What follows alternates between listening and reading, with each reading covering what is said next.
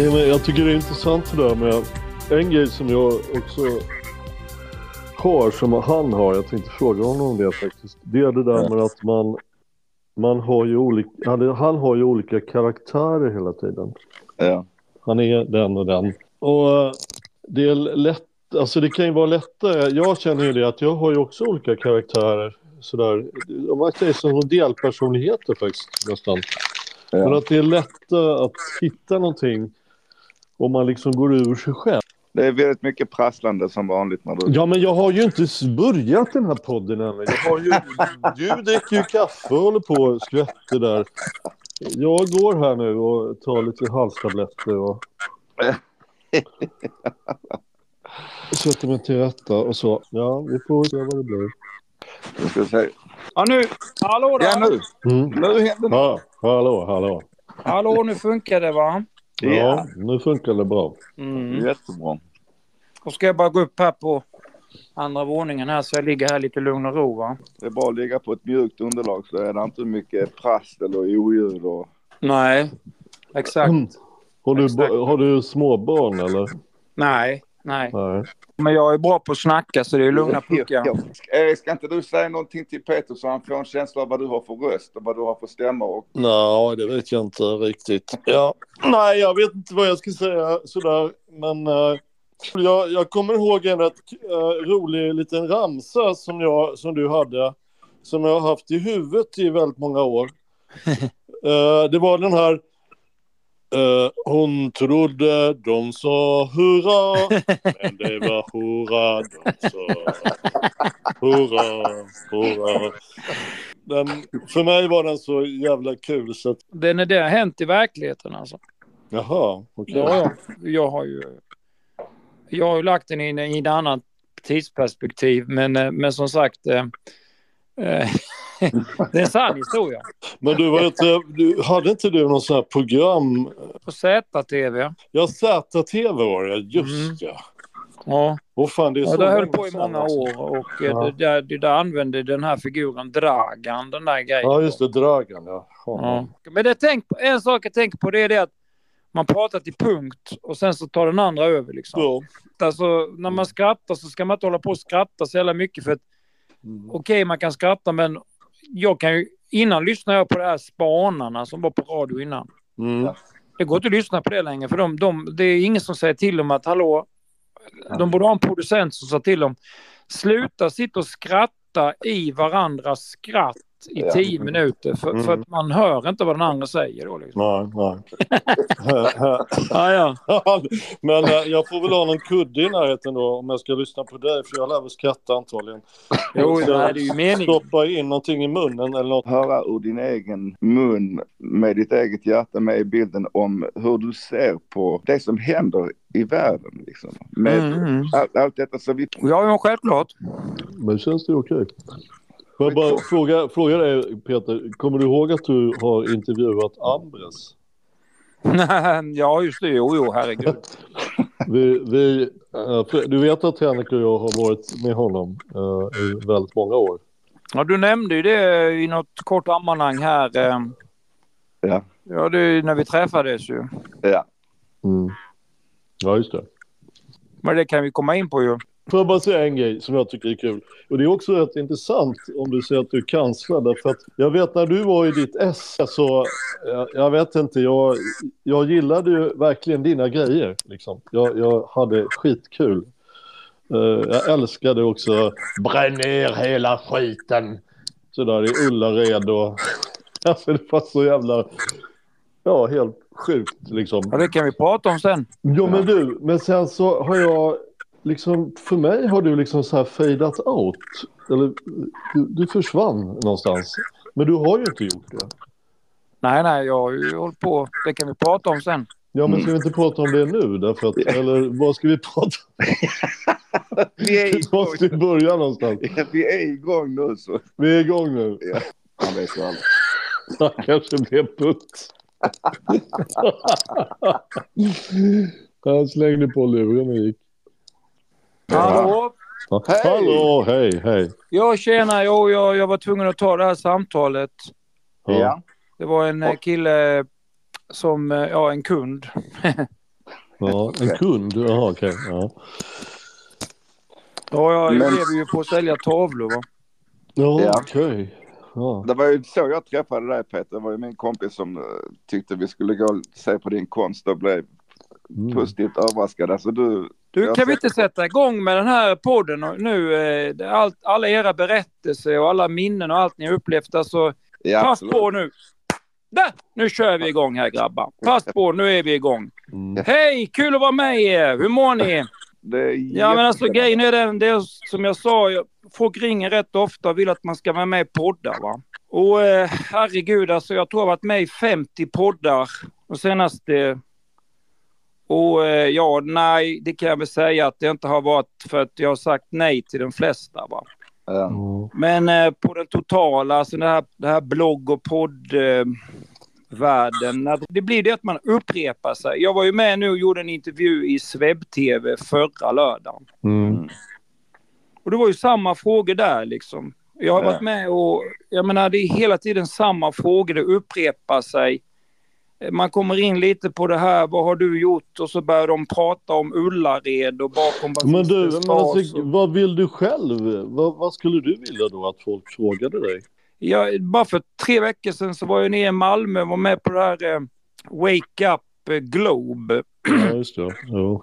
Och då var det återigen samma sak där, samma frågor, samma, Mm, allting är hela tiden samma. Det är ju det som är grejen. Att, och det var ju det hela den intervjun med Sveb-TV gick ut på.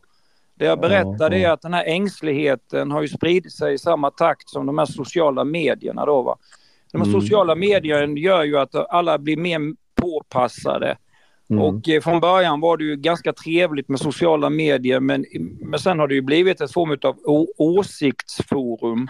Mm. Och då har ju myndigheter och eh, massa sådana här eh, eh, grindvakter för olika organisationer och sånt det har ju eskalerat nu. Så vi har hamnat i en form av censureringssamhälle där alla accepterar det på något vis. Och eh, då blir det väldigt lätt att man ringar in folk då som har starka åsikter och som, som eh, först börjar man ju med lite enkel brunsmetning om man tycker att massinvandring är galet och att inte samhället hänger med ekonomiskt.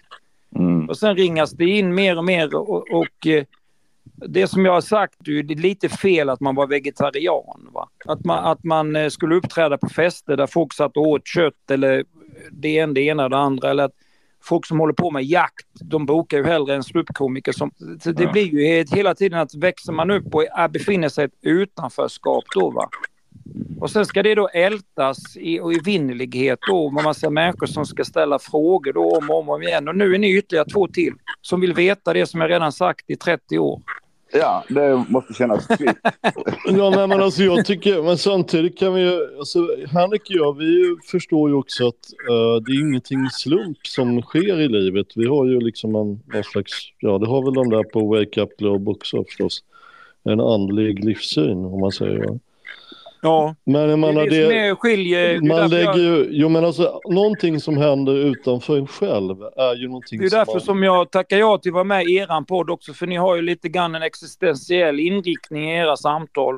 Och, ja, sådär då, va? och det är ju det jag menar att det är ju dit hen man måste komma någonstans att man, man hamnar ju i det här att eh, man förstår själv att man på något vis är orsaken till sina egna eh, problem och eh, inriktningar av, av valen man gör i livet. Va? Mm. Det, det, jag däremot kan jag säga när det gäller konstnärlighet så har jag ju försökt Alltså, det har ju varit lite taktik att vara en form av sluggo och använda sig av kanske lite fräcka ord och ja. när vi har gjort våra konstnärliga konstljud, alltså det var ju därför vi kallade alla de här grejerna som vi gjorde på 90-talet, jag och min kompis Mikael Eriksson, vi kallade det för Für alle. Ja, Därför att det. skulle finnas någonting för den som var en, en pöbel då va. Mm. De skulle liksom tycka, han sa kod, han sa Mm. bögstryk, ha ha ha, han sa hora, ha ha ha, han Mm. sa kuk, han sa brände ner Ullared, åh fy Ja. fan, bränn ner Ullared. för, för pöbeln, för de korkade fanns det. Sen Mm. fanns det också då för de kul- kulturintellektuella, de med studielån som hade läst litteraturvetenskap och sånt och som hade någon form av förankring i konst och historia och litteratur. Pandanger, de förstod ju då att det här var ju en form av upprepning av ganska intellektuella grejer då. Och hela de här Ferrari-grejerna när vi var i Egypten och, och på olika kraftplatser och filmade så Mm. var det ju för att eh, driva lite, gå och närma sig det, det övernaturliga. Att man Mm. drog in det övernaturliga i det. Men det, det var ju bara de som, hade, som, som var intresserade av det själva som såg det. Och att det fa- fanns, eh, eh, man kan säga, referenser till David Lynch och hela hans bildspråk och så. Mm. Och eh, Kubrick och sådär med eh, Shining och, och sådana här övernaturliga moment som det finns till exempel i den skräckfilmen och sånt där. Det var ju det som jag var fascinerad av. Det fanns en konstnär som, som gifte sig med Björk, hon isländskan. Mm. Han, han hette Matthew Barney. Han Mhm. var väldigt populär, en konstnär på 90-talet. Han gjorde ju då, kan man säga, konstvideos som jag också var väldigt sådär, det fanns pandanger till honom sådär då va. Mm. Så det, det, det var därför vi kallade det för Firalle då, för att eh, det skulle finnas någonting för alla. Mm. Men det jag har alltid varit intresserad av, det här andliga och, och, och jag, har ju, jag har ju baserat min reinkarnationsteori på Martinus andliga analyser. Va? Mm. Och eh, ni som har jobbat, eh, besökt till exempel eh, eh, Ambres och, så- och sådär då. Mm. Jag var ju där och intervjuade honom för ett program som hette Nyfiken på Gud Mm, just det. som, som gick Mm. på SVT där vi skulle det, jag, fick ju tjata som fan för att vi skulle åka till och hälsa på han Sture Johansson. Ja. Och han skulle få berätta om sin och, och han åkallade ju Ambres också. Mm. Alltså han, han tog ju, han eh, transformerade, transformerade ner Ambres och Ambres kom ju. Mm. Så jag Ja. satt och gjorde intervju med eh, Sture då när, när Ambres var i honom då. Mm. Mm. Så, så det, det, det är där. Och jag menar, men du med, en sån person som han, det, det ser ni själva. Det, det, man når inte ut. Man når inte ut. Alltså det, det, det, det var ju inga skriverier eller det var ju ingen som pratade om det. De tog ju bara honom som en knäppgubbe liksom. Eh, Det, det var ju, blev ju ingen media kring det trots att jag satt och intervjuade en, en, en, alltså en människa som gick igenom en fysisk person. Men du vet väl att de gjorde en dokumentär om honom som SVT betalade? Ja, nej, den har jag inte sett. Har du inte sett den? Nej. Samtal med en död. Den finns fortfarande kvar på Ja, Youtube. det stämmer det ja. Nu när du säger rubriken så, så är det någonting som klingar där. Mm. Ja. Men, eh, men eh, vad jag vill komma med detta är ju det här att alltså, det är ju också en, en grej i tiden så, som ni ville prata om där att hur kan det komma sig den här cancerkulturen? Det, det, det, det är ju det här att alltså, vi befinner oss i den här klassikern att man söndrar genom att härska. Va? Mm. Man härskar menar jag genom att söndra menar jag. Mm. Alltså, ju mer allting splittras upp, ju, ju mer bloggar det finns, ju mer folk som ska hålla på, ju, ju fler utställningar, ju mer musik, Mm. desto mer av allting så gör att människor splittras och Mm. på det viset så, så är det fler jävla människor som ska ha åsikter om allting. Mm. Jag menar, hur, hur ska man överhuvudtaget kunna nå fram till allmänheten om det här med NATO? Att Sverige ska gå med i NATO och betala miljarder för detta och få amerikanska flygbaser och amerikanska soldater på svensk mark. Mm. När, när NATO är det stora problemet, att man har byggt ut det i Östeuropa och hela det avancemanget som de har gjort. Du, du har ju inte en chans. Du har inte en chans. Du, du kommer ju aldrig... Jag menar, vi, vi startade ett politiskt parti som hette MOD. Jag var med i det, MOD. Mhm. Mänsklighet och eh, demokrati står det för då. Det var ju ett parti som, som bildades i kölvattnet av de här vaccinpåbuden om eh, vaccinpass och sånt ju. Mhm. Och eh, så växte det fram och blev ett parti. Vi var på Gotland. Och eh, här är politikerveckan. Mm. Mm. Totalt fucking nobody. Ingen brydde sig om oss. Ingen lyfte. Det fanns hundra andra jävla partier små Mm. som inte heller fick någon uppmärksamhet. Så det enda jag kunde göra då i sammanhanget för att det skulle bli något jävla drag under galoscherna, det var ju att skrika landsförrädare åt eh, Jimmy Åkesson. Inte när han höll sitt tal, för det är oartigt, nere i Almedalen där vid Vattenpölen. Utan jag, sa, jag, jag skrek åt honom då när han satt och blev intervjuad på Express, vid Expressens eh, scen. Mm. Jag menar, hur, hur, kan, hur kan ett parti som säger, säger att de är Sverigevänner då legitimera hela den anslutningen åt den amerikanska krigsindustrin som det egentligen handlar om då va? Men du, det, ingen bryr sig. Ja, men det är rätt många som har röstat på det partiet som är besvikna tror jag på att det, att det gjordes en omvändning där därför att eh, en av eh, många Sverige som röstade på Sverigedemokraterna var, gjorde ju det därför att det fanns en tydlig linje om att man skulle absolut inte gå med i NATO. Precis. Men sen gjordes det en omvändning och förmodligen är väl det av samma skäl som du beskriver här nu. Ja, ängsligheten och att man inte vågar tala fritt därför att då kommer ett etablissemang eller tusen röster eh, emot den. Va? Och då kanske man väljer ett sånt läge att eh, vända kappan efter vinden eh, och helt plötsligt svälja allting med NATO för att få eh, komma in och få de här procenten så att, som gör att de, man har någonting att säga till om i riksdagen. Liksom. Det var ju taktiskt. Men då, ja, visst är det taktiskt och det säkert folkligt på alla sätt och vis. Och det, det finns ju en, en orsak till att de, de måste ha suttit den här... eh, Det är, ju en, det är en klick av folk som har startat partiet och som är de som leder och styr. Resten är ju valboskap. Eh, Precis som i alla andra partier. Man är pliktskyldig och så, man har inget annat bättre att rösta på, säger de. Det är som att välja mellan, på, mellan förkylning och influensa och allt vad de skyller på. Mm. Men då, då är det ju viktigt att man som partimedlemmar då, de som då vill ha en debatt om det, ser till att, att man får en extra kongress. Alltså det kan ju partimedlemmarna tvinga fram. För det har ju visat sig att de här människorna då eh, i SDs ledning har tillförskansat sig massa förmåner och höga löner. De har köpt lyxvillor och det ena med det andra. Det finns ju en som heter Roger Richthoff.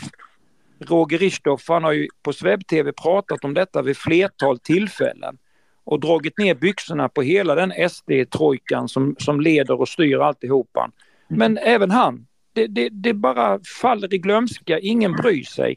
Det, det är hela tiden det här, återigen, det är så jävla mycket som sker. Det, det blir splittrat och därför kan man härska och styra agendan precis som man vill. Mm. Men alltså makten, den förblindar ju och den bedövar. Om Exakt. Man den- om man sitter med den för länge. Jag menar, jag har träffat Gaddafi till exempel ett par gånger. Och när han först tog makten i Libyen och skrev sin bok om ja, den vita boken och den gröna boken och allt detta, va, då fanns det ju en sundhet eh, Mm. som också gjorde att det landet blev ett väl fungerande land. Okej, det finns problem överallt liksom, men det, det var det Afrikas rikaste land. Eh, man skulle ändra på den, eh, man skulle skapa en nationell eh, valuta och till slut så blev det för, eh, för mycket för eh, ja, omvärlden, väst och så vidare så, så får man ju ta bort honom liksom. va. Men inte bara det det handlar om, det är också det att sitter man för länge på en stol där man har oinskränkt makt, Mm. då, då blir man blind liksom. Det, det intressanta med Gaddafi, det var ju också det där tydligen att de, deras riksbank tillhörde ju liksom inte det här Federal Bank-systemet som nästan alla riksbanker mer eller mindre kopplade till. Och sen tydligen när han var, när han var borta så att säga, då stod, jag vet inte om det var amerikanerna eller vad det var, med en ny upplaga av en riksbank som då förde samman riksbankerna liksom med, med det globala nätverket. Va? Det där vet ju alla som är insatta, som har studerat det här och som har läst eh, och lyft på stenarna. Det- här vet vi ju. Mm. Det jag menar återigen att det, det, du, har, du har ju den här... Det som händer då när man inte gör någon konsekvensanalys, det är ju det att man plockar bort en sån... De här människorna som går på universitet och läser statsvetenskap och som lär sig en det ena och det andra, de är ju de är advokater, de jobbar med juridik och de, de nationalekonomer, vad fan vad som helst. De är hur jävla belästa som helst. de, de måste ju begripa, om de sätter sig ner och diskuterar Gaddafi som ett exempel här nu, då är det ju det, om man plockar bort en sån diktator, vad händer då? Jo, det faller ju landet samman. Då faller det ju samman, det imploderar, därför det finns ingen maktstruktur och klanväldet kommer komma tillbaka, det kommer bli inbördeskrig. Och det är precis det de vill.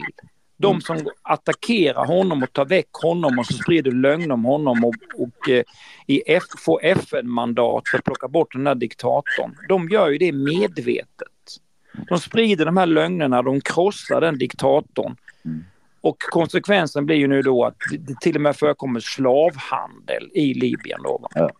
Men det var intressant, så du, du har alltså varit i Libyen eller? Jag fick en inbjudan att åka ner och, vid två tillfällen. Första gången var när... Varför då? Inbjudan av vem? I vilket sammanhang? När, hur gammal var du då? Ja, det var 2007 första gången. Men, men eh, då, då, då, då, då måste ju det ha varit ett helt fungerande Libyen ju. Ja, det var ett, ett helt fungerande Libyen och första gången var... Eh, vad gjorde du där? Alltså var, var då inbjuden? Ja, första gången. Alltså, av, McDonalds eller vem bjöd? Nej, Gaddafi. Gaddafi och regimen. Men var, varför hur känner han till dig då?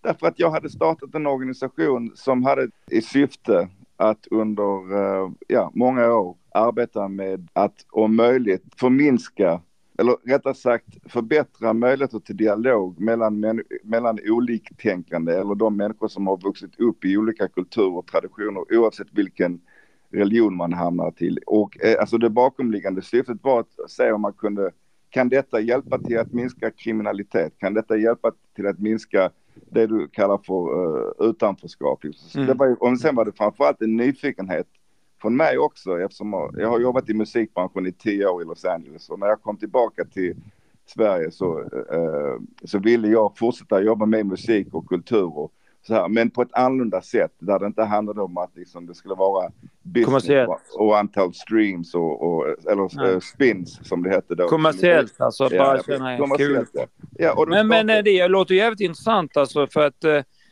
det, det, det låter ju jävligt intressant ändå alltså att de ändå fick nys om dig på något vis. Ja, det fick de och fråga mig inte exakt hur det gick till för det minns jag inte. Men jag åkte, de, jag åkte upp till Libyens ambassad i Stockholm på, ja där var, vad fan heter det nu? Där den låg där på Valhallavägen. Valhallavägen. Val, ja, ja. Och eh, så gick jag upp där och hämtade en biljett och flög ner uh, KLM uh, via Amsterdam.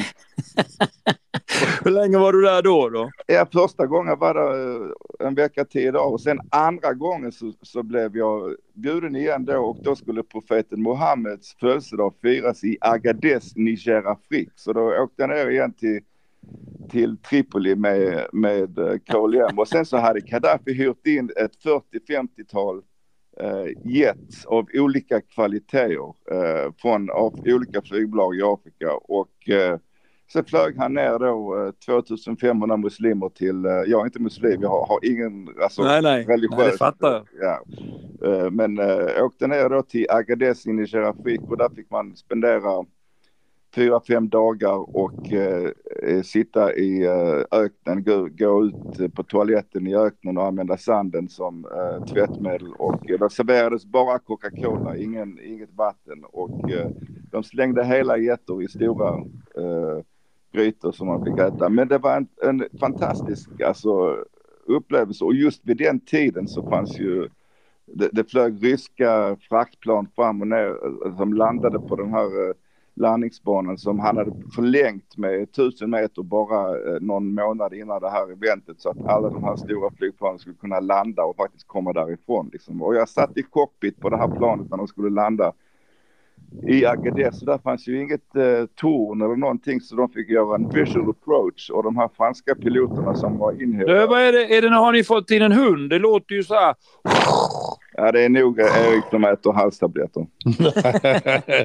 Men det låter ju som en fantastisk resa. Alltså det, det låter ju helt otroligt. Alltså att eh, du varit med om ett sånt äventyr. Jag fick titta lite grann bakom skynket liksom. Och, eh, jag fick se vad som kan hända när makten har varit på samma plats för länge. Men jag fick också se mm. en massa annat. Mm. Liksom. Men, du, du, men du, du träffade alltså Gaddafi då? Alltså. Ja. Men hur då? Du, kunde du sitta och snacka med honom eller bara skaka hand? Jag fick en jättefin stor matta uh, av honom och jag fick... Uh, ja, alltså, han, bara, han, alltså, han hade ju långa läderstövlar på sig och såg ut ungefär som... En popstjärna. Ja, men alltså Darth Vader eller vad heter han som... ja, jag vet. Jo, men det, du har rätt i det. Jag, jag, det dina, din analys där, makten för blinda och att man när man sitter på sån kontroll och, och hitan och ditan så här. Visst, absolut. Alltså, det, det, det går ju dem överstyr på något vis. Han, ja. han lever ju så som du. Jag menar, för att även ifall det kan låta patetiskt så påstår det att att hur man klär sig någonstans indikerar hur man mår mentalt. Men, ja. men i hans fall så märkte man just det att när han började klä sig helt så, som liksom, precis som du säger så kommer det en science fiction film. Då börjar man ju tänka så här liksom, jaha, wow. eller om det var en stand-in eller någonting sånt liksom. Han, uh, tysken Helmut, eller han heter inte Helmut, hjälp mig, han som leder Davos. Uh, ja, du menar Klaus Schwab? Klaus Schwab. Ja, han, han, var ju i, i uh, Estonia för en månad sedan och höll ett föredrag på ett, för, uh, ett universitet och han hade klätt sig likadant. Var va, va, va, va, va, va, var han någonstans? Han var i, jag tror det var i Estland. Jaha, i Estland och, och hade klätt sig helt utflippat. Värre än Darth Vader. Ja men det där, det, det, nu är vi inne på någonting som är jävligt kul att snacka om. Nu, nu, det har jag aldrig varit med om och pratat om i någon podd. Men det här är ju jävligt intressant. Du ser ju själv, det, här, det, det goda samtalet det leder ju fram till något intressant där. Det, det, det, är ju det, det är intressant det du säger att det där kan ju vara en lite grann fingervisning om alltså när, när en människa börjar flippa ut alltså på något vis. Va? Så det är okej. Okay. Var och en ska kunna förklä sig som den vill, det är inte det jag säger. Va? Men, men du, du, du, det ligger ju någonting i det här att makt, maktfullkomlighet. Men om du tittar på svenska politiker då, alltså det som händer, maktfullkomligheten här inom socialdemokratin. Ja. Jag vet inte om det var så, jag hörde bara något rykte om att hon den senaste, hon som var skånska som var eh, eh, utrikesminister. Ja. ja. Ann Linde. Ann, att hon har börjat jobba på Facebook nu. Ja. Som någon slags rådgivare eller någon form av chef då. Mm. Och att han, eh, den gamle statsministern, han, eh, eh, han, har ju, han jobbar inom FN då och ska hjälpa till att sjösätta massa olika 2030 kampanjer och bygga det organet. Vad är det han heter? Svetsaren? Löfven. Ja, Stefan Löfven. Han, han, är nu engagerad jätteintensivt i det här 2030 då va. Och mm. eh, de här 2030 då i, klimat, i klimatagendans namn ska man då genomföra massa olika, det ska vara social credit card, card på att hur mycket koldioxid du rör dig och släpper ut och sånt där och att du ska få ett digitalt hälsopass som ska funka över hela världen och sånt där. Det är ju det här eh, kinesiska makt, alltså kinesiska kontrollsamhället som sakta, sakta men säkert implementeras i Europa då. Va? Ja. Där man liksom provstartade lite smått och gott när det gäller den här coronapandemin då. Läskigt. Men, men, men, men, ja men precis, va? det är ju det att och, och eh, det är så de jobbar då, de som har makt nu, att, att få igenom sin agenda. Det är att man man skyndar långsamt. Mm. Så, så, då, då sakta men säkert så kokar de grodan så att ingen mm. ska bli bestört när det väl är där då. Kriminaliteten, det var ju snack om det. Nu måste vi ha ännu mer övervakningskameror mm. ute överallt så att så vi, vi kan undkomma kriminalitet och skjutningar och våld och elände. Va? Ja. Och folk vet inte om att de här övervakningskamerorna, de, de, går inte på igenkänning, alltså de går inte på ansiktsigenkänning, de går ju på hur man rör sig. Hur individerna svänger med armarna, haltar eller går eller alla har ju ett rörelsemönster. Mm. Det skannar de här kamerorna av. Vi får väl börja gå med som John Cleese, silly walks.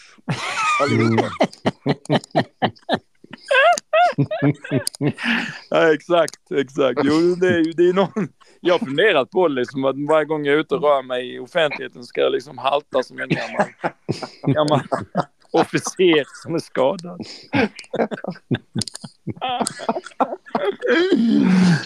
Nej, men det här karriärnätverken, det, det är ju han Magnus Stenlund som är, håller de här webb-tv-ledarna. Mm. Han, han, är ju väldigt vass och väldigt eh, fyndig tycker jag. Han kallar ju hela det här politiska systemet som vi befinner oss i, SD också då, när man då är för NATO-anslutning.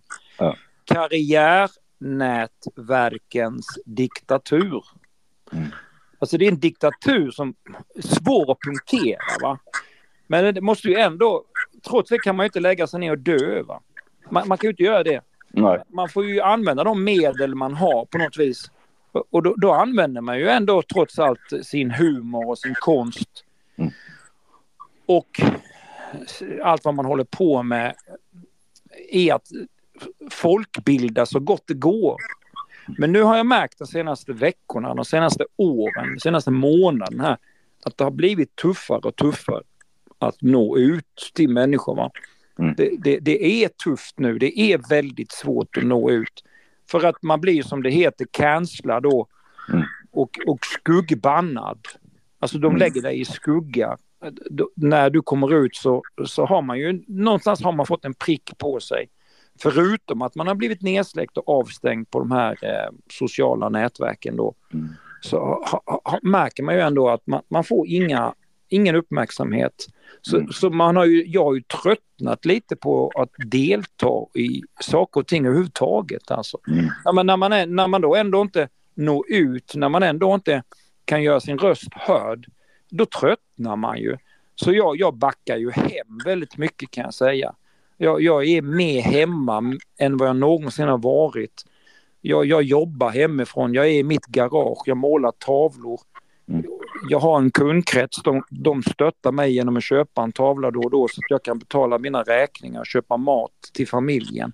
Mm. Jag backar hem mer och mer och mer. Jag har tappat geisten att, att vara utåtriktad därför att det, det, känns som att man inte når ut, man kommer ingen vart det, det, blir lite grann det här att man får luta sig tillbaka och, och säga som Kristus sa, allt är mycket gott och ställa sin tillit till, till de andliga krafterna, att de får, de får sköta detta. Alltså. Mm. Uppvaknandet, det, det, får ju ske i, i människor så småningom, mm. så sakteligen.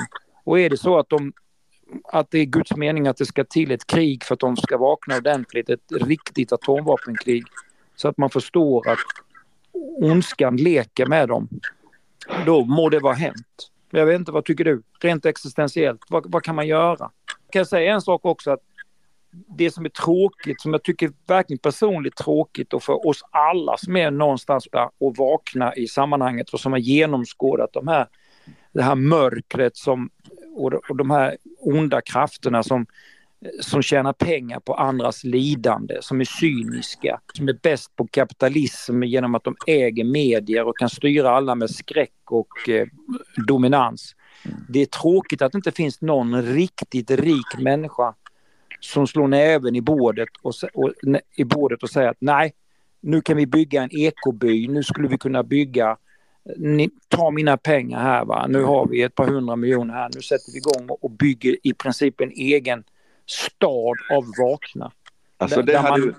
Absolut, men eh, tror du inte det kan vara så igen att när makten förblindar, ju mer har du liksom hundra miljarder dollar på banken. Nej, men eh, om vi säger att det hade ju räckt med att det fanns någon vaken i vakenleden här bland oss som eh, sitter och pratar om det här i, i otaliga poddar och på Facebook och Instagram. Någon av dem måste ju i alla fall vara god för, låt oss säga 35-50 miljoner. Det, det, är ju inga, med den summan skulle man ju komma jävligt långt på om man skaffade sig, eh, köpte något slott eller någonting sånt och, och startade och gjorde ett, ett, kollektiv. Man kunde ha studios, man kunde ha eh, gemensamma odlingar, drivit någon campingplats, haft musikfestivaler och, och, byggt ett nätverk som hade gett ringarna på vattnet och blivit en form av, och sen så skaffar man en, ett sånt här kollektiv till så att man hade små mindre självförsörjande enheter. Mm. Och i de här kollektiven hade personlighetsutveckling, samtal. Man kunde jobbat med företag som hade be behandlingar av människor som mår dåligt för att de mår dåligt rent psykiskt eller mår dåligt för att de har haft drog, tagit droger eller vad som helst. Mm. Det, det, det, att det inte finns någon sån här miljo, mångmiljonär eller miljardär som är precis som vi och, och redo att plocka fram plånboken och sätta fart och bygga sådana här självförsörjande enheter. Det är helt märkligt. Det tycker jag är märkligt alltså. Ja. Men du har ju du har jobbat i Los Angeles. Jag har jobbat sett, i Los Angeles. Har du inte träffat på, är det inte någon av de här jävla popstjärnorna och de här studiemänniskorna som du har träffat som är förmögna och som fattar sånt här? Är, de bara, är de bara så rädda och bara så att de inte vågar göra det. De har, inte, de har inte det intresset eller? Eller är de rädda för att bli likviderade som Lennon? Alltså dels så har jag uh, kommit ifrån uh, den kollektiva, det kollektiva medvetandet sen jag flyttade till Sverige och sen spenderade många av mina år liksom i Mellanöstern för jag var nyfiken på, på den eh, kulturen och många av våra projekt var i Jordanien. Vi hade en hel del arbete i Sydafrika och både Palestina och Israel och, och Saudiarabien. Så jag har ju liksom vänt på min egen inre pendel för att liksom fylla på med erfarenheter från en helt annan del av världen än de här tio åren jag spenderade i Los Angeles i musikbranschen. Men en kvinna som eh, på den tiden eh, jag faktiskt jobbade för under eh, en period, det var Ann-Marie Benström som startade The Ashram i Malibu, Kalifornien. Och eh, hon var ju också en sån här gammal Andres mm. eh, anhängare. Men mm. hon, hade för, hon hade för sig, något, hon var ju lika mycket klok som tok. Liksom. Men hon hade för sig att hon skulle köpa den svenska statsskulden. Eh, och detta hade hon som idé 1985 eller någonting sånt. Och, och hade fått med sig ett antal personer som eh, hon, ja, de var på väg att, att göra det liksom. För att man, superrik. Man skulle... Alltså hon, har, hon, var hon superrik? Ja, hon var ju rik alltså. Nu gick ju hon över till andra sidan för kanske ett par år sedan liksom. Sen vad som har hänt och hon gifte sig med en uh, eh, 50 år yngre man eller 40 år yngre man. Så... Nej. Ja. Som jag... tog pengarna och... Jag vet inte vad som har hänt med det faktiskt. Nej. Nej, men vad fan. Ja. ja, men, men det, det, det är som, okej, okay. man kan säga att, att, att uh, Gud var nära. Vi var ja. nära där. men du var inne på någonting intressant där du säger att du går hem och du spenderar...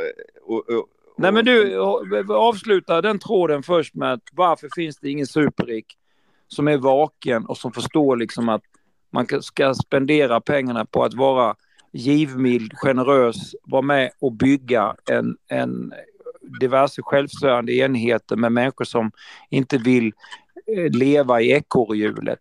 Både med sina familjer och sen också vara så pass mentalt stark att det inte blir en sekt. För det, det får inte bli en sekt, det måste bli en business, det måste vara en business, men, men det måste vara en business som är ett nollsummespel eh, och i samhället där man kan bo och, och verka med vanliga yrken men att man har ändå sitt hjärta i det här kollektivistiska tänket att man gör saker och ting tillsammans och att man odlar näringsrik mat. Jag menar, om, du går, om du går och köper dill i en vanlig ICA-butik i en kruka. Du går hem och börjar käka på den dillen. Det smakar ju inte dill. Det är ju, det är ju, det är ju inte dill. Jag menar, du har ett kollektiv skulle ju kunna ha fyra, fem växthus i sådana här rör och mm. odla hur jävla mycket dill som helst och grönsaker och vara självförsörjande. Om det, man är många, det, om man är många som samarbetar tillsammans. Alltså, jag är odlare, hobbyodlare. Det är ett helvete att vara själv och plocka ogräs och sen förvara grönsakerna, vilket mm. också är väldigt svårt. Men det skulle man med enkelhet kunna gjort om man var några stycken. Men det, jag har inget kapital till att dra igång en sån här grej. Men du ställde ju en fråga där inne, har du inte någon jävla miljardär eller kan...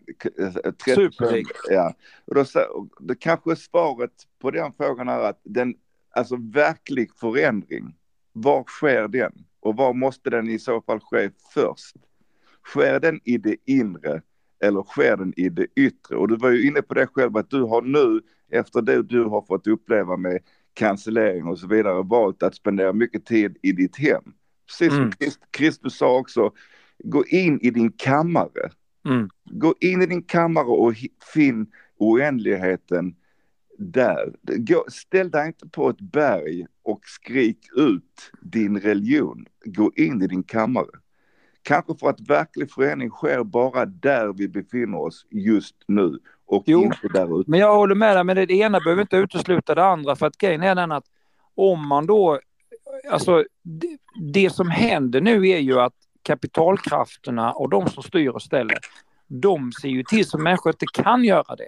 De tvingar dem in i en form av fattigdom och ekonomisk stress som gör att de hela tiden har annat att tänka på än, än just att ha tid och möjlighet att gå in i sig själva.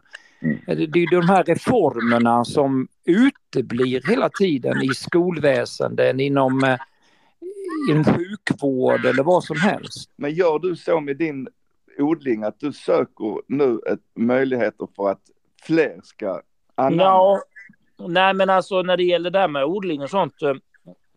Det är inte så att fler ska anamma utan jag bara säger att det är mycket arbete. Så ska det bli något professionellt av det så måste man nästan vara några stycken. Ja.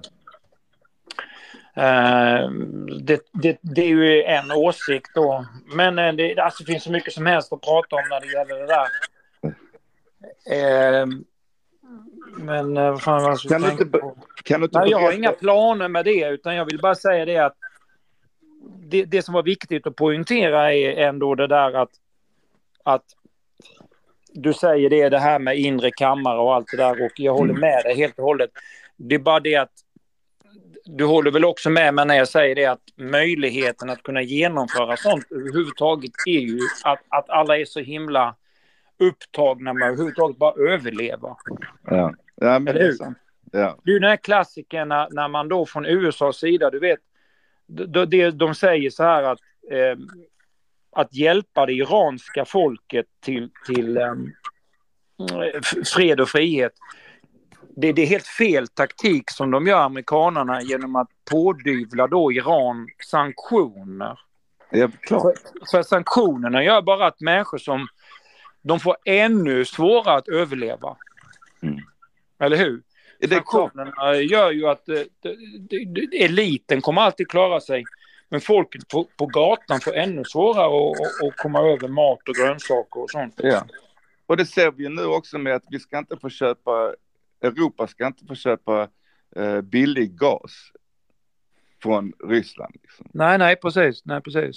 Då ska man hellre spränga de, denna, detta tyska, nästan det största infrastrukturprojekt de har gjort och som, som jag förstod det faktiskt Schultz försökte stoppa in i det sista genom att eh, de här Minsk 1 och Minsk 2 agreements faktiskt kunde bli av som möjligen hade kunnat eh, förhindra den aggression liksom som eh, har skett då eh, i Ukraina liksom.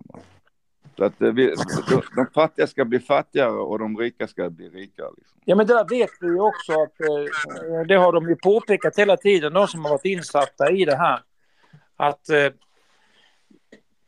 man, man, har, man har inte velat att Amerika och Tyskland ska göra affärer med varandra och att utvecklas och utbyta teknik och handel. Eh, för, för då, då, då, då främjas Ryssland. Ja. Och man, man, vill ju inte det, så det är ju, det är ju storpolitik.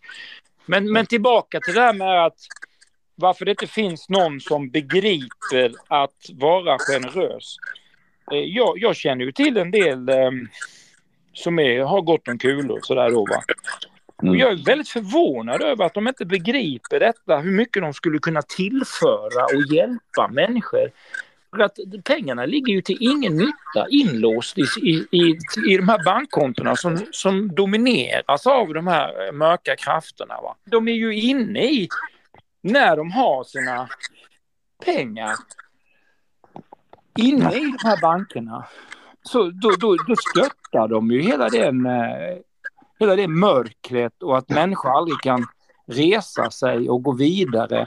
menar, människor som inte har råd att kanske ens att skaffa glasögon till sina barn. Eller har råd med att, ta del av naturläkemedel eller få hjälp med sin övervikt eller vad som helst för att de, de har inte råd än, att, än att gå och köpa spaghetti och, och, och skitmat. Mm. Det är så mycket man kan tillföra när man har kul.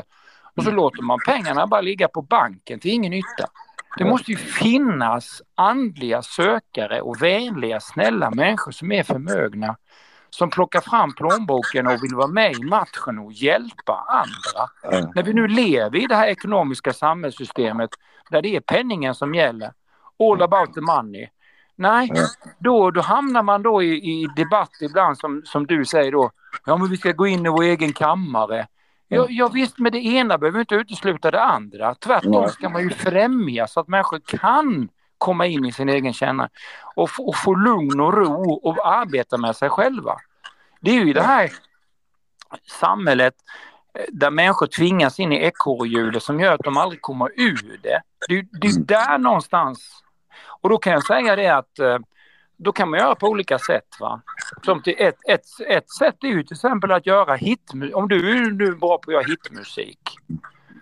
Som hade kunnat, jag menar, du hade ju egentligen kunnat göra hitmusik då. Du är med i det elaka spelet, gör hitmusik. Och så blir du rik och så använder du pengarna till något bra liksom.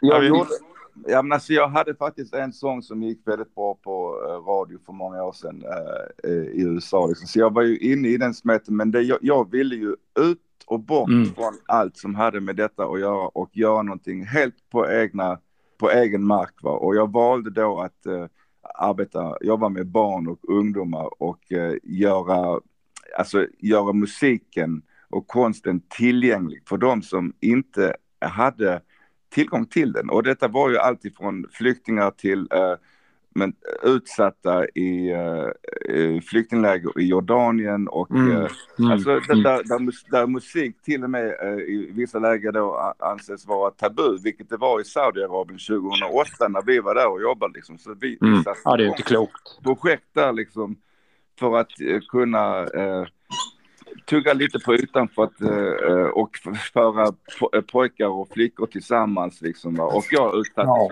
en hel del eh, alltså drev på Mm. de projekten. Va? Och bara Ja. för att, det här- bara för att organisationen jag startade, Spjutsmundi, lyckades väldigt väl med att eh, starta nästan 40 projekt i 25 länder. Va? Till, så till slut så då blir det så att eh, det är alltid någon journalist eh, som eh, blir eh, eh, misstänksam och, och, eh, och fångar upp någon eh, kanske som har varit, blivit avundsjuk på vägen för att, eh, eh, att det ska stoppas. Liksom. Så jag vet Mm. mycket väl hur, hur, hur cancellering kan gå till, liksom, även i ett land som Sverige. Va? Och korruptionen Ja, finns här lika mycket som det finns på andra ställen. Det är bara det här är den så polerad.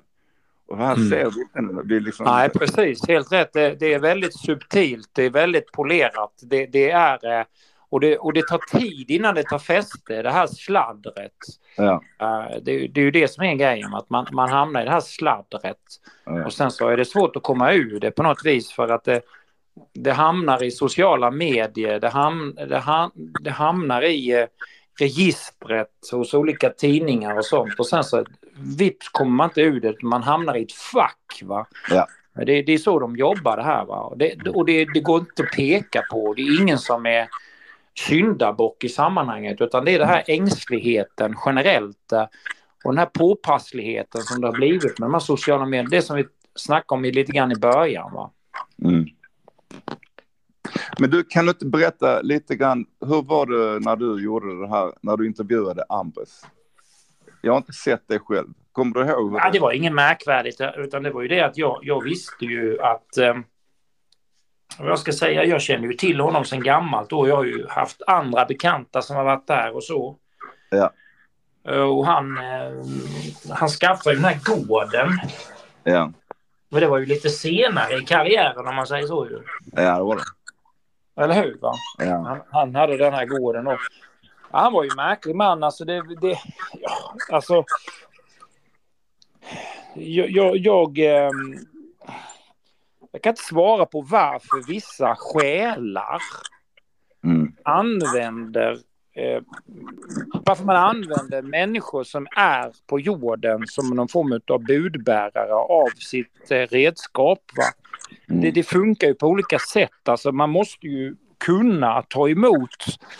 Sture Johansson, han hade den kroppen, han hade den... Eh, alltså han kunde ta emot budskap från den här och transformera då den här gamle prästen Ja. eller vad han var från Egypten då va, som kallar sig Ambres då. Men, men det är ju det som är som eh, man brukar säga det inom esoteriken att det kommer inte flera mästare för att säga samma sak. Utan alla har de ju någonting eget och något nytt att säga. Va? Och så jag upplevde ju han som väldigt eh, unik, han Sture Johansson då, hela det Ambres grejen för att jag menar det var ju att alltså, han var, så, han var ju som en vanlig snickare. Han, han var ju bara en vanlig bondläpp på något vis. Som, så, så det var ju nästan som man tänkte att han är en bluff. Va? Eller, eller han är bara smart. Som lurar folk genom att, att kunna spela teater på det här viset. Va?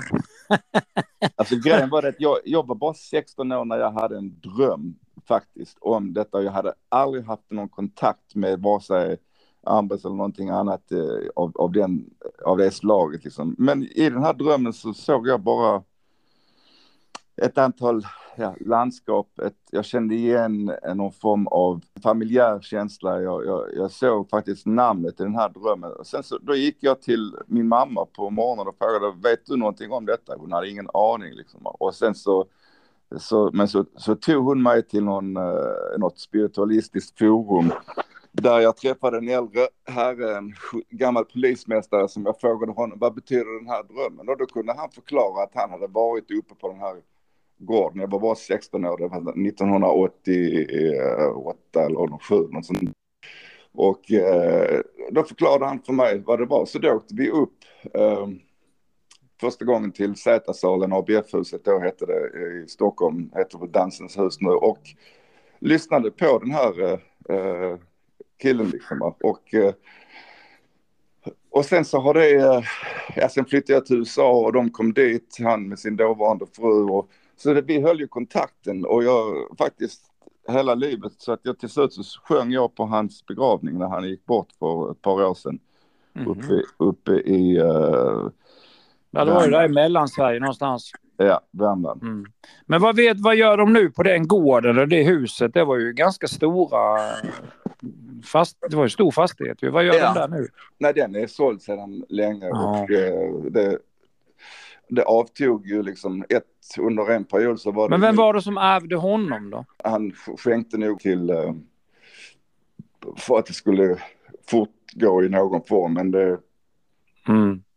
Böckerna, det- kanske något bokförlag eller någonting sånt där. Ja. Mm. Mm. Alltså jag Mm. tror att det bästa som har hänt från den här tiden det är i så fall det som har skett i det inre inom människor som kanske har varit Mm. delaktiga i detta. Ja, men du vet, du vet i den esoteriska skolan, alltså när det gäller sådana här andliga läror och kunskaper eh, som leder fram till samma mål, att man, att man förstår reinkarnationsprincipen och att det ham- handlar om att man ska öva och vara god så att det blir automatfunktion. Va? Ja. Det, det, det är ju det som är nyckeln här. Va? Alltså att genom inkarnationerna så övar man i godhet Mm. och lär sig saker och ting av människor man möter och öden som man har tillsammans med kvinnor och barn och, och jobb och allt vad det nu är. Ja. Och man övar sig att vara god. Ja. Jag håller helt Så finns det dig. många olika läror och skolor och sånt. va. Och och just en sån kille som Hans Sture Johansson som är helt vanlig svenne Mm. som på något vis inte blir besatt men som låter sig utnyttjas som ett instrument åt en andlig kraft och, och att den här det är väldigt ovanligt. Alltså det, det sker ju inte, det är ju inte så vanligt att det sker i världshistorien. Mm. För, att, för jag måste ändå säga att och det var ju en, en, ett kompiskap mellan den här Sture Johansson och den här Ambres som då är någon form av gammal Köpman. egyptisk präst. Eller var han inte egyptisk präst? Han var köpman faktiskt och Ja. eh, hette väl då... det, det, det, det förekommer ju i världshistorien att det är sådana här eh, att man transformerar sådana här eh, krafter och energier som låter man låter någon tala igenom. Jag menar, det sägs ju att Muhammed var ju det. Alltså att, att Gud eller Allah pratade genom Muhammed ju.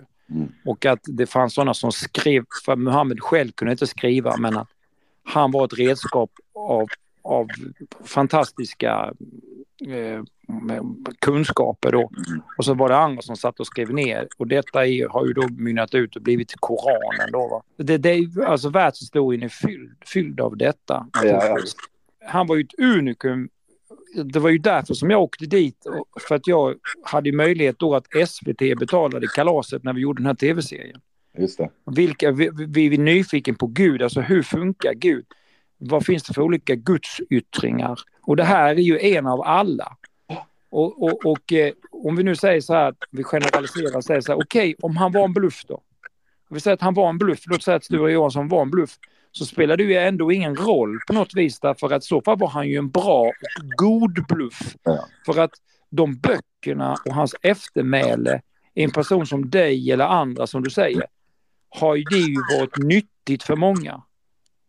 Alltså hans eh, budskap har ju gått igenom eh, till många människor som har, som har fått ett bättre och, och mer innehållsrikt liv. Kan man säga så? Jag, man- jag tror man kan säga så, absolut. Och, och framförallt så kanske det viktigaste arvet som i så fall finns kvar, det är just det att nyfikenheten på oändligheten är någonting som har väckts till liv inom människor. Att han har fungerat som en kosmisk vindrutetorkare där är själva essensen och det varma och det, det Mm. goda som du säger med vad till exempel Jesus eh, eh, talade om och försökte hjälpa oss att förstå att vi är alla en del Mm. av någonting som vi går och bär på och har när, tillgång till den här källan inom oss. Och det var därför jag tyckte det var intressant att höra hur du liksom nu efter eh, motstånd i det yttre väljer att, eh, att gå in kanske på något sitt sätt i din eh, kammare och skapa din konst och eh, vara nära eh, hem. Ja, det är ju det också att eftersom att jag inte har, alltså ekonomiskt så stryps man ju mer och mer i och med att den här cancerkulturen och eh, när du inte kan få några jobb inom näringslivet som eh, underhållare och sånt. Alltså det, alltså det, det, det, jag får inga jobb som skådespelare eller i, i reklamfilmer eller må, alltså allt vad det nu är då. Va? Mm. Och det, jag försörjer mig på att måla tavlor, och vilket är väldigt, väldigt roligt och givande och väldigt kul att det överhuvudtaget kan fungera. Mm. Jag, ska, jag är ju evigt tacksam för det. Att jag har ju under de här 30 års tiden som jag har hållit med haft mängder med utställningar. Ja. Jag har haft det som en plan att kunna försörja mig som konstnär. Ja. Därför då får man vara hemma. Det, det, ju, det finns ju en taktik i det också. Mm. Men, men vad jag skulle säga var ju det att det, det, det är ju liksom inte så att jag backar hem för att jag ska finna mig själv. Utan jag backar ju hem för att jag är fattig Mm. och för att jag inte har råd att ha en bättre lokal. Mm. Eh, Jag, har, jag hade en, eh, jag fick ju låna gallerier. Jag öppnade upp gallerier inne i centrum av stan när jag lånade Halmstad då, tomma affärslokaler. Och det var ju väldigt bra för då kunde jag ju möta människor och prata om sånt här som jag pratar med dig om Mm. varje dag när folk kom in och ställde frågor och var intresserade och nyfikna om existentiella frågor vad som helst.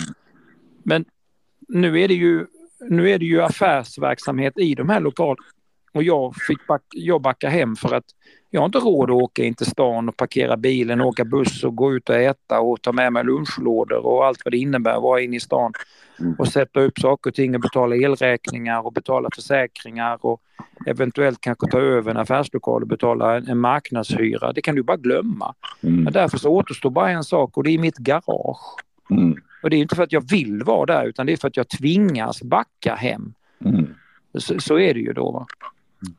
Och, eh, Men- och, och det hade varit mycket roligare att ha varit två, tre stycken konstnärer som hade en jävligt cool stor lokal i stan där man sålde både konst, foton, hade inspelningar, kunde göra en rolig podd, kunde gjort videos, kunde gjort sketcher, kunde gjort musik, eh, renoverat möbler, eh, gjort massa saker, haft föreläsningar, bjudit in konstföreningar, bjudit på snittar eh, och mm. vin. De kunde ha handlat konst, man kunde varit utåtriktat, man kunde haft en verksamhet. Men eftersom att det inte är någon rik som ringer så får jag backa hem och stå mm. i mitt garage istället. Mm.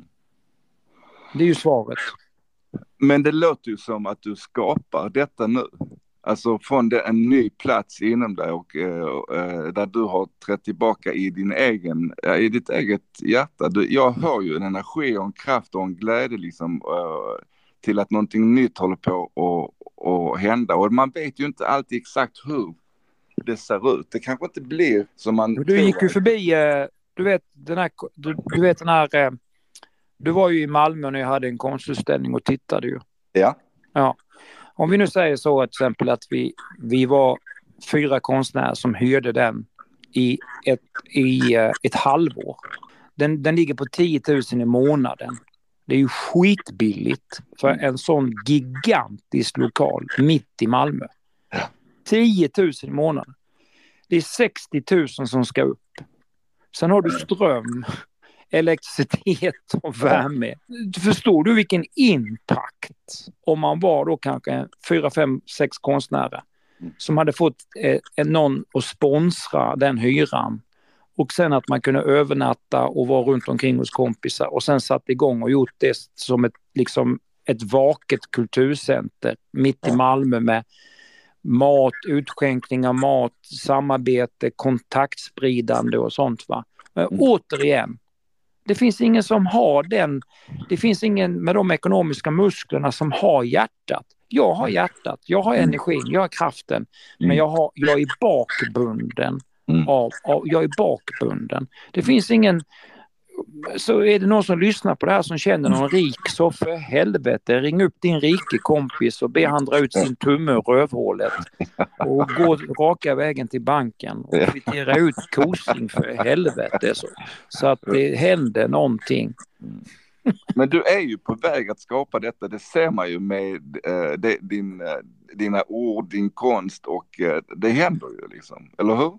Det är på gång. Du hade ju kunnat stå i den lokalen och, och eh, spisat skivor och eh, satt upp din ljudanläggning. Vi kunde gjort eh, inspelningar där bland... Vi kunde gjort kosmisk gangsterrap. Mm. Eller hur? Kosmisk gangsterrap. Det hade ju varit hur kul som helst. Nej, det finns möjligheter men det finns inga medel. It's all about the money. Mm. Alltså du, jag måste bara säga att det här samtalet med dig uh, fick, fick aspekter av precis det jag, hade, jag hoppades på. Och Erik också. Erik har fått problem med sin wifi tror jag. Men vi kan ta kanske och göra en uppföljning på det här samtalet framöver. Ja, det kan vi gärna göra. Och sen så, jag har en kompis som har skitbra ljud och sånt. Han kan vara med han också. Ja. Tack så du ha då. Du ska ha en stor kram. Och tack. Detsamma, detsamma. Vi hörs. Ja, det gör vi. om det här sen med din polare och fortsätter. Hej, hej. Puss och kram, hej. Tack.